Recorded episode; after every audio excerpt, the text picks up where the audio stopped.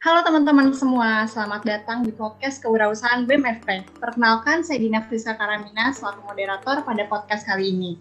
Sebelumnya mungkin teman-teman bingung nih, apa sih sebenarnya podcast Kewirausahaan dari BMFP ini? Apa yang akan kami bahas dan apa yang akan teman-teman dapat dengan mendengarkan podcast ini? Jadi sesuai dengan namanya, podcast kewirausahaan merupakan podcast yang akan membahas segala hal mengenai kewirausahaan yang pastinya akan memberikan teman-teman semua informasi, motivasi, dan insight baru. Mungkin langsung aja nih, di podcast kali ini kita akan kedatangan narasumber yang luar biasa pastinya. Kakak ini merupakan uh, seorang mahasiswa pertanian yang juga menggeluti bidang usaha di bidang fashion dan art. Nah, bingung kan tuh fashion dan art maksudnya apa? Nah, langsung aja kita sambut Bang Satya. Halo Bang Satya. Ya, halo. Jadi apa mungkin aku per perkenalan dulu ya. Oh iya boleh bang perkenalkan. Uh, jadi nama saya Yuli Satya Putra Wijaya dari Agri.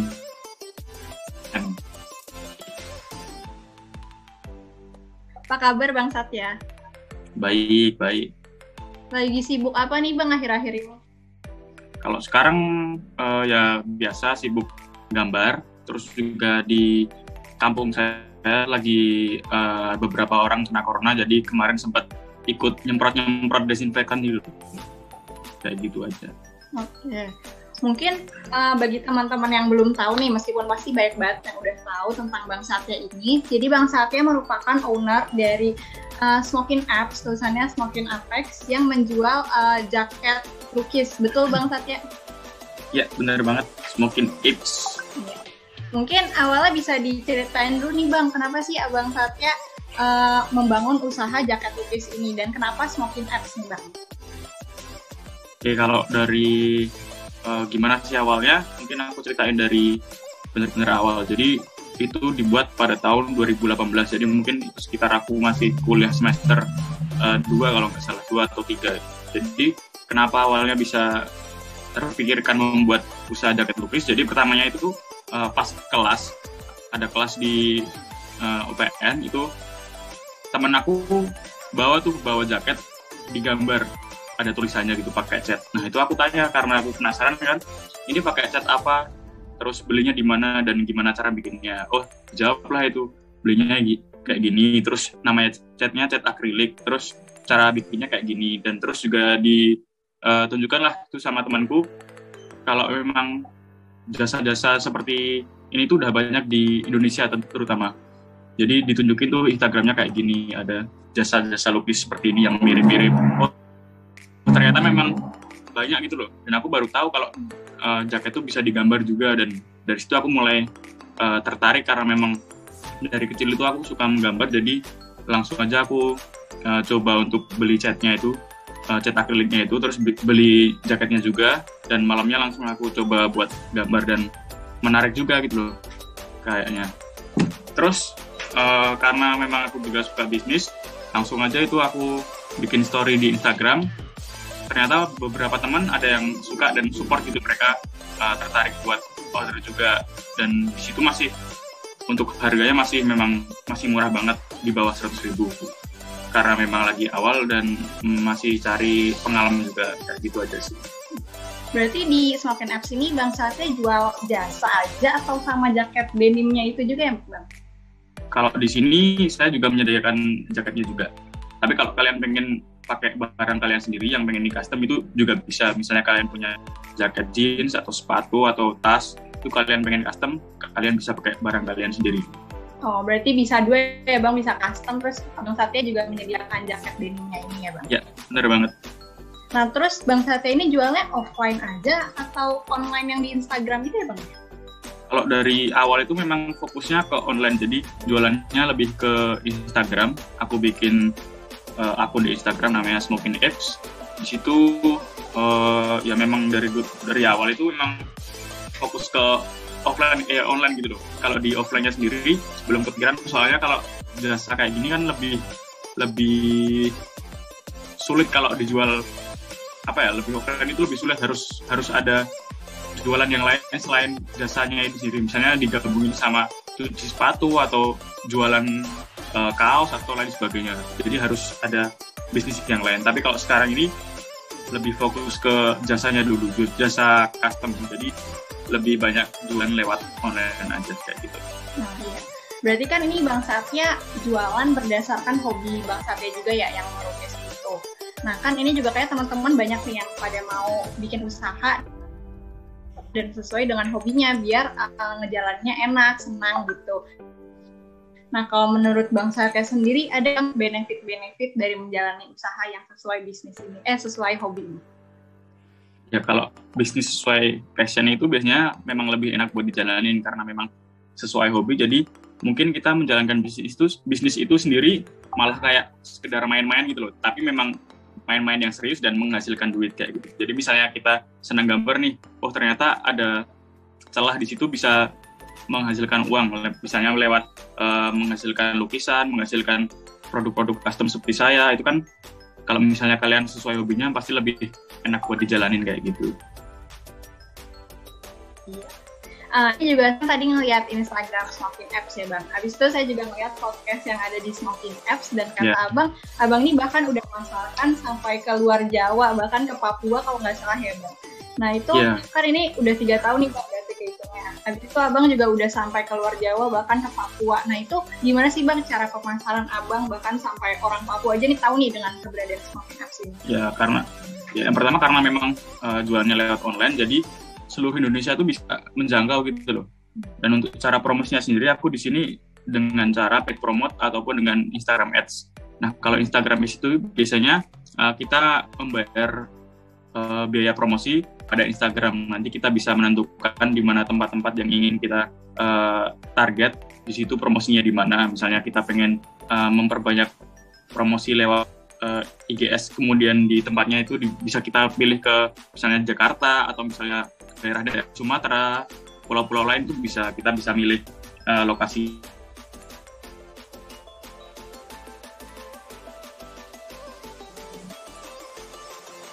Apa namanya? Karena yang pertama uh, target pasarnya sama gitu Kalau pet mahasiswa kan biasanya kan juga mahasiswa. Terutama mahasiswa. Jadi cocok banget sama paid promote-nya ini. Jadi kita nggak perlu nggak perlu lagi mengatur apa sih eh, gimana sih umurnya tentang umurnya di Instagram ya. Jadi kita bisa langsung promosi lihat paid promote mahasiswa kayak gitu aja biar nggak nggak repot. Terus kalau paid promote mahasiswa itu biasanya lebih murah. Terus kita juga bisa menentukan tempatnya. Misalnya uh, paid promote-nya kita pengen di Jogja nih. Nah kita bisa cari paid promote mungkin dari universitas di Jogja misalnya dari UGM, dari UNY dan lain sebagainya. Kalau pengen uh, pet promote di, lebih banyak di kota lain misalnya di Jakarta kita bisa cari univ yang mengadakan di daerah sana kayak gitu. Hmm, berarti ini fokusnya di sosial media ya bang untuk acaranya ini? Ya. Mungkin kalau tadi kalian... offline sendiri belum belum kepikiran soalnya juga kalau full cuman custom tok jadi harus harus ada bisnis lain yang mengimbangi gitu loh. Oh iya, iya. berarti emang ini sosial media itu sangat ngaruh untuk yang udah efektif yeah. juga. Terus bang, kan kalau segmen pasarnya tertentu ya bang. Kalau misalkan aku bandingin nih sama ayam geprek gitu kan segmen pasarnya luas banget. Nah kalau jaket lukis ini kan tentu nih mungkin aja orang yang suka art, orang yang suka jaket mungkin jaket-jaket denim. Nah itu gimana sih uh, cara biar kita memasarkan sesuai dengan segmen kalau itu kan biasanya kita harus mengetahui dulu apa sih barang yang kita misalnya kita menjual jaket lukis oh tentunya yang suka suka barang-barang kayak gini itu ya anak-anak muda kita harus mengetahui dulu uh, target pasar kita itu uh, tentang umurnya apa sampai berapa. Kemudian tahu itu uh, promosinya lebih uh, menyasar ke itu lebih ke menyasar ke target-target itu. Misalnya uh, anak muda tadi kita bisa mempromosikan lewat IGX dengan rentang usia yang anak-anak muda itu. Misalnya kan kalau anak-anak muda biasanya ya 20 sampai 30 lah yang mereka tidaknya mereka bisa ya, punya, mempunyai uang sendiri, kemudian mereka bisa transfer dengan uh, duit mereka sendiri dengan uh, dengan mudah kayak gitu. Berarti lagi ya bang sosial media yang IGX itu yang membantu untuk sampai ke sana. Uh -huh. Abang tujuh ini. Oh ya kalau misalnya uh, baru memulai bisnis itu memanfaatkan teman. Tapi di, dengan arti yang positif ya. Maksudnya kita mem, meminta teman kita untuk membantu promosi kita mungkin dengan uh, lewat promosi-promosi lewat story Instagram mereka kita melihat kita meminta bantuan kepada mereka untuk eh tolong dong promosiin produkku masih baru nih. Siapa tahu teman-teman kamu tertarik. Nah kayak gitu. Kita harus bisa memanfaatkan dengan positif tentunya kayak gitu. Jangan jangan malu untuk meminta bantuan kepada teman karena teman itu pasti apa ya dengan kita me, meminta bantuan pastinya akan menambah relasi-relasi bisnis kita. Misalnya kita mendapatkan pelanggan kita mendapatkan mungkin supplier dan lain sebagainya kayak gitu Iya, berarti adanya relasi itu penting banget ya Bang ya, soalnya bisa ya. saling membantu. Terus ini Bang, kan saya nih buat orang-orang awam tentang art seperti saya ini bingung nih Bang, gimana sih Bang emang cara membuat jaket lukis itu mungkin boleh diceritain sedikit Bang cara membuat jaket lukis. Kalau caranya sih gampang banget sih sebenarnya cuma berbiasa nggak pas nggak sama biasanya pakai cat akrilik ataupun pakai cat tekstil jadi mungkin awalnya kita bisa uh, membuat dulu sketsa nih di jaket kayak gitu di sketsa itu pakai pensil. Kalau udah uh, sesuai dengan desainnya baru kita dikasih cat cat putih untuk dasaran. Kenapa harus uh, ada warna dasar? Karena nanti misalnya kita kasih warna di atasnya agar lebih terang gitu loh agar lebih jelas. Misalnya kita uh, dulu warna kulitnya nggak nggak keluar dengan pas gitu. Jadi kita harus kasih warna dasar putih dulu. Kemudian kalau udah baru kita uh, warna-warna sesuai yang ada di desainnya. Kalau ada detail-detailnya kita tambahin tambahin aja. Hmm. Terus mungkin uh, untuk perawatannya sendiri kalau lukis itu sebaiknya jangan dicuci karena mesin cuci itu biasanya dia kan muter-muternya ngawur gitu ya. Jadi tidak uh, awet ya. Mending dicuci manual dengan tangan kemudian di bagian lukisannya itu jangan sering-sering dikucek. Jadi kalau bisa cuma dilap aja jadi biar biar awet kayak gitu. Ya, biar nggak gampang pecah. Gitu aja.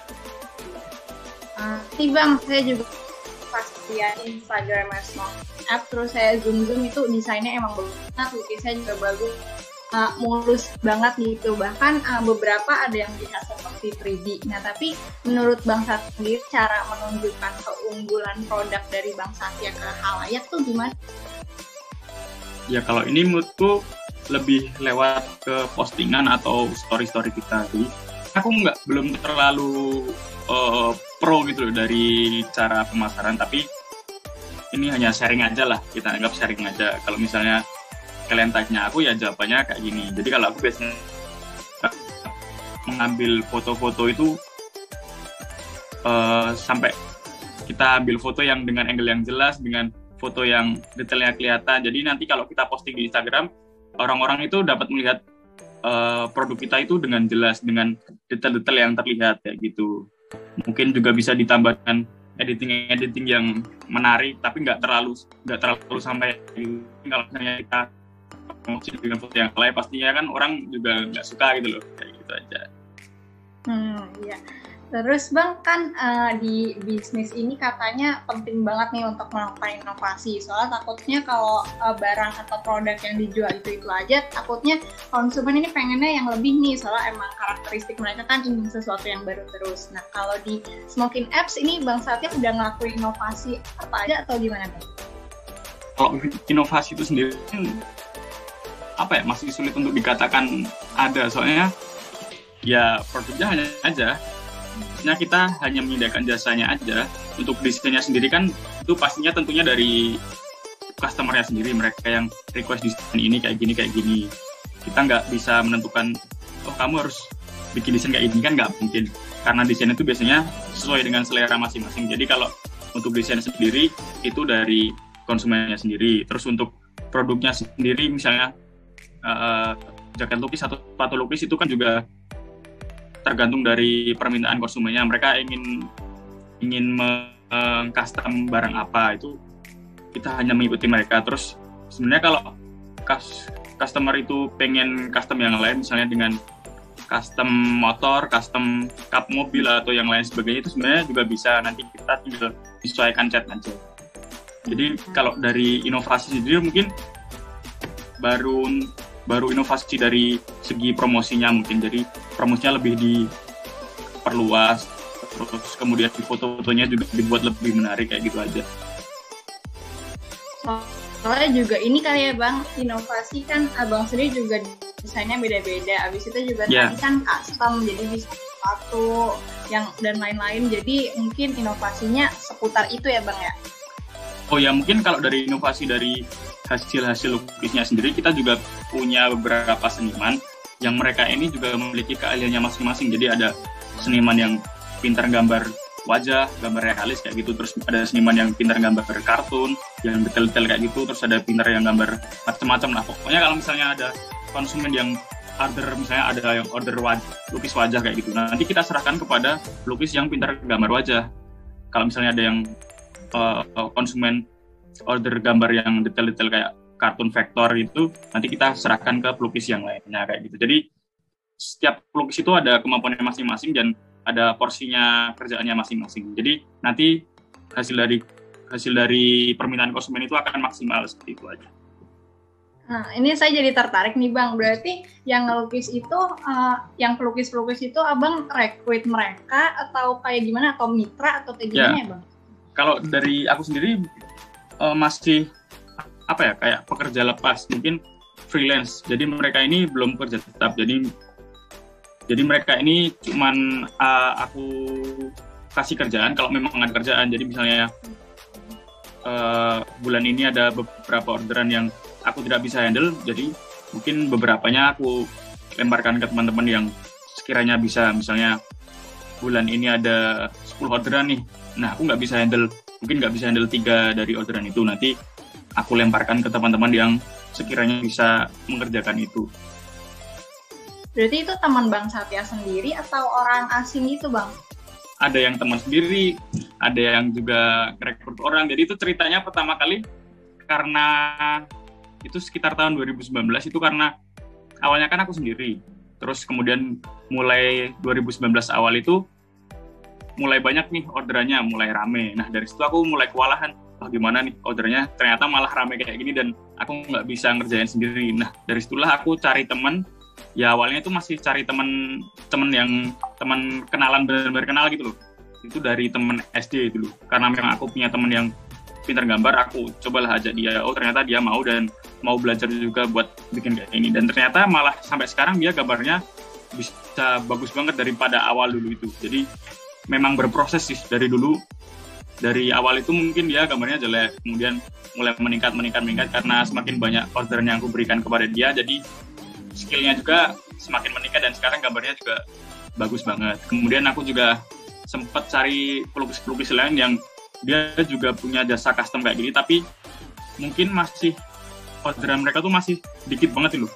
Dan mungkin Instagram mereka mungkin belum belum terlalu terkenal jadi aku coba uh, ajak mereka merangkul mereka untuk ikut ke Smoking It dan dan akhirnya mereka mau. Sampai sekarang beberapa ada yang ada yang ikut dan uh, ada juga yang karena pandemi ini pandemi ini masih uh, berjalan lama mereka mungkin nggak bisa nggak bisa pulang ke Jogja. Jadi ya itulah mereka masih di kotanya masing-masing. Ada beberapa yang kayak gitu Berarti yang bukan temennya Bang Satya itu Bang Satya nyari-nyari Instagram Iya, nyari nyari di Instagram kayak gitu. Ada ada jasa lukis nih. Oh, ternyata gambarnya lumayan lumayan bagus, lumayan menarik dan sepertinya bisa aku berikan uh, orderan kayak gitu. Oh, iya iya, Bang. Uh, abis itu Bang, kan uh, jak lukis ini kalau saya lihat-lihat kayaknya nggak banyak banget nih orang yang uh, menjual uh, jaket lukis ataupun jasa-jasa seperti di Smoking Apps ini. Tapi nggak sedikit juga kan. Nah yang mau saya tanyain, ada gak sih bang pesaing-pesaing dari Smoking Apps ini? Dan kalau ada juga gimana sih bang caranya biar kita bisa nunjukin nih kalau kita itu produknya lebih unggul daripada pesaing?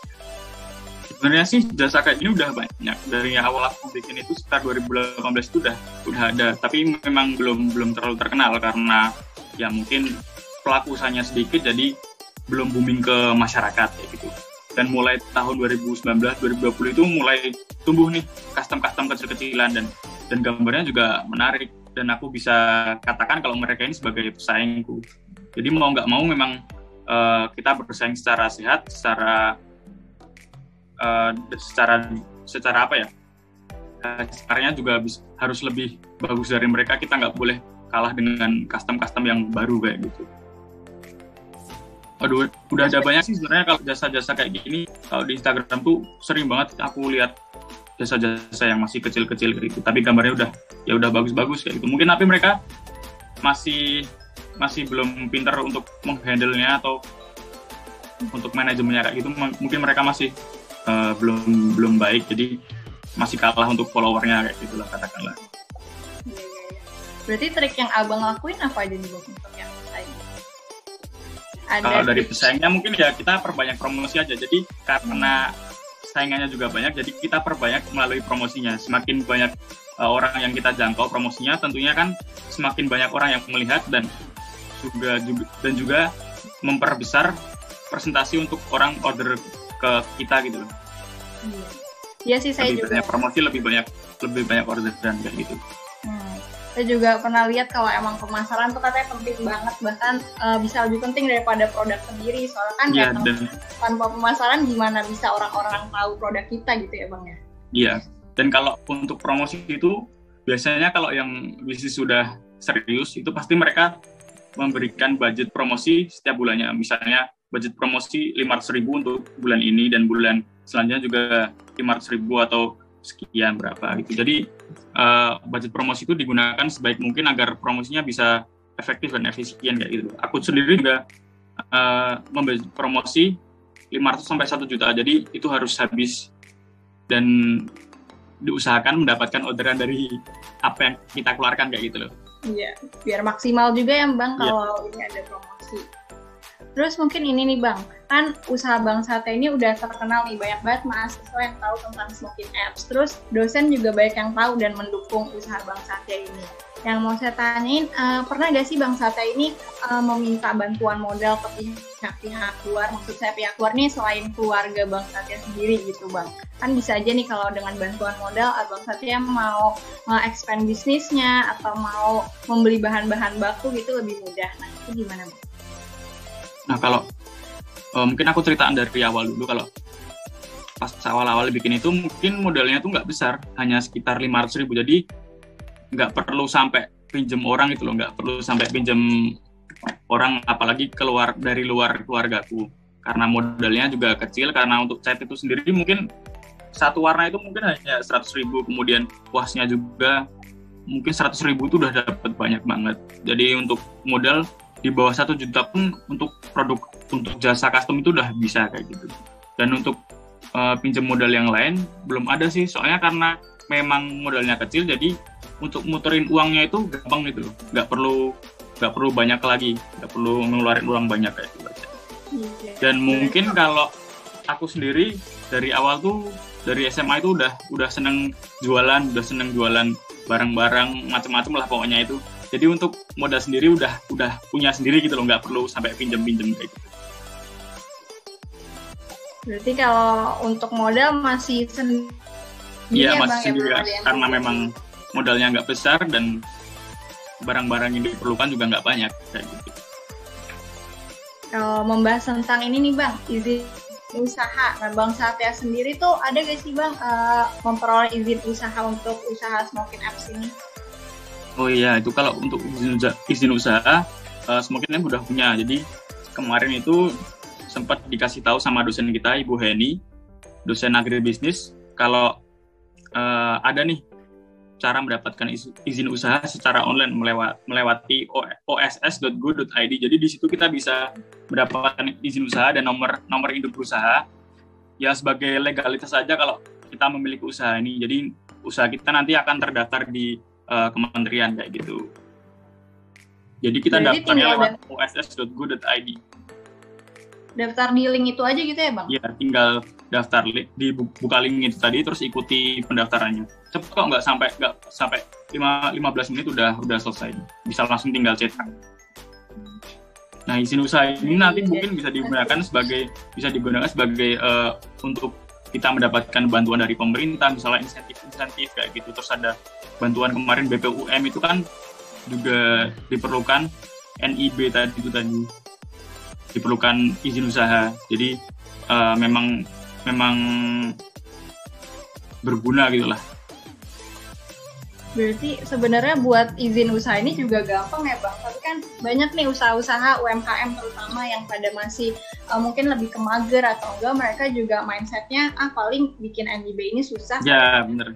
Ya, uh, padahal ya, mungkin karena ya. mereka masih menganggapnya mungkin jualannya ya cuman kayak gini ah aku cuman jualan apa sih atau apa jualan toko kelontong atau jualan kecil-kecilan nggak perlu lah izin usaha karena kayak gini aja udah jalan gitu loh nggak perlu nggak perlu aneh-aneh udah dapat duit saya tapi kan ya namanya juga mindset mau kita ubah juga mungkin agak susah harus harus melalui pendekatan-pendekatan yang memang baik dan kita harus memberikan benar-benar ini loh dampak positifnya dari memiliki izin usaha kayak gini kalau udah tahu kan mereka pasti juga akhirnya tergugah hatinya untuk membuat kayak gitu hmm.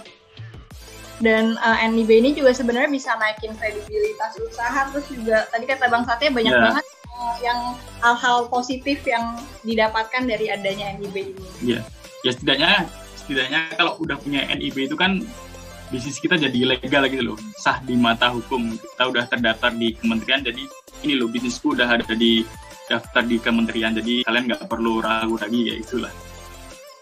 Iya, mungkin udah cukup banyak juga nih aku nanya-nanya Bang Satya berbincang-bincang. Uh, mungkin ini uh, mau bertanya nih Bang, uh, di selama tiga tahun ini Bang Sate ini ketemu kendala-kendala gitu gak Bang di Smoking Apps? Kendala mungkin ya di awal itu kemarin karena uh, masih awal-awal itu dan ternyata ordernya malah membludak.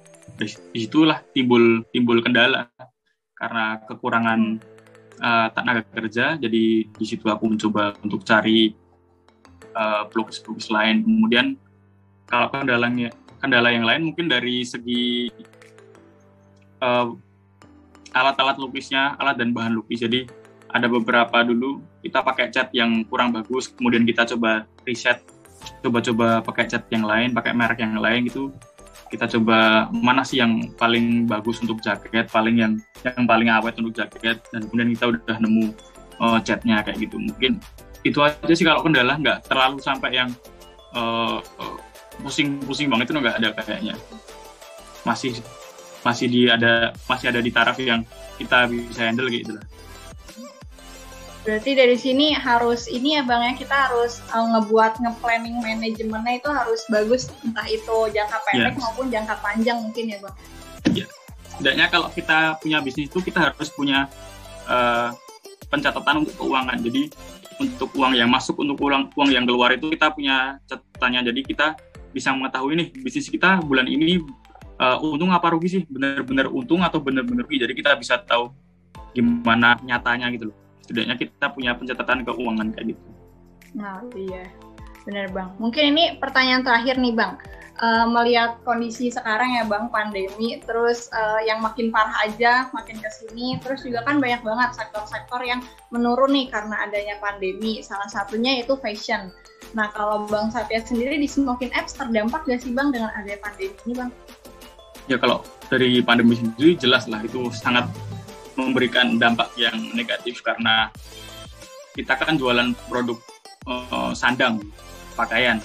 Tentunya kalau orang menggunakan pakaian itu biasanya untuk keluar rumah apalagi yang pakaian-pakaian kayak gini yang untuk bergaya lah kita katakanlah pakaian-pakaian untuk bergaya. Jadi kan kalau misalnya pandemi itu orang jarang keluar rumah apalagi mahasiswa mereka jarang jarang keluar untuk nongkrong jarang keluar untuk kuliah pun udah online kayak gitu jadi penggunaan produk fashion itu sangat berkurang.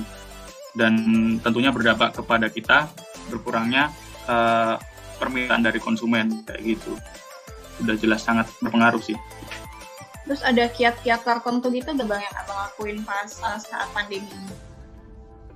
Ini uh, kiat-kiat untuk menghalau itu mungkin kita malah perbanyak ke promosinya. Jadi semakin banyak orang yang kita jangkau kita mengharapkan agar semakin banyak orderan juga yang masuk pada kita itu aja sih mungkin kalau dari caranya kita mau perbanyak promosi aja Hmm. Berarti promosi lagi ya bang yang emang paling Iya. penting bagi usaha itu. Memang harus ditargetkan sebulan itu kita mengeluarkan uang untuk promosi berapa dan kita berharap dari uang promosi yang kita keluarkan itu kita memiliki eh, return atau keuntungan yang tentunya lebih besar dari uang promosi yang kita keluarkan kayak gitu. Mungkin udah ba- banyak banget nih aku dapat informasi dari site baru juga aku dari semua ceritanya Bang Sati ini. Eh, terima kasih banyak ya Bang Satya udah meluangkan waktunya menjadi narasumber di podcast ini. Semoga bisnisnya lancar terus, profitnya semakin gede, terus bisa eh, expand bisnisnya bahkan sampai nasional atau internasional ya Bang. Amin. Ya, Terima kasih Bang Satya. ya sama-sama di Nah, mungkin teman-teman segitu nih uh, podcast untuk episode kali ini. Kita udah dapat banyak banget uh, pengetahuan informasi dari Bang Satya selaku owner dari Smokin Apps ini. Teman-teman juga pasti udah dapat baik banget informasi, motivasi, dan insight baru kan. Nah, mungkin uh, segitu aja untuk podcast kali ini. Uh, saya Dina Friska Karamina selaku moderator pamit undur diri. Uh, see you on the next podcast.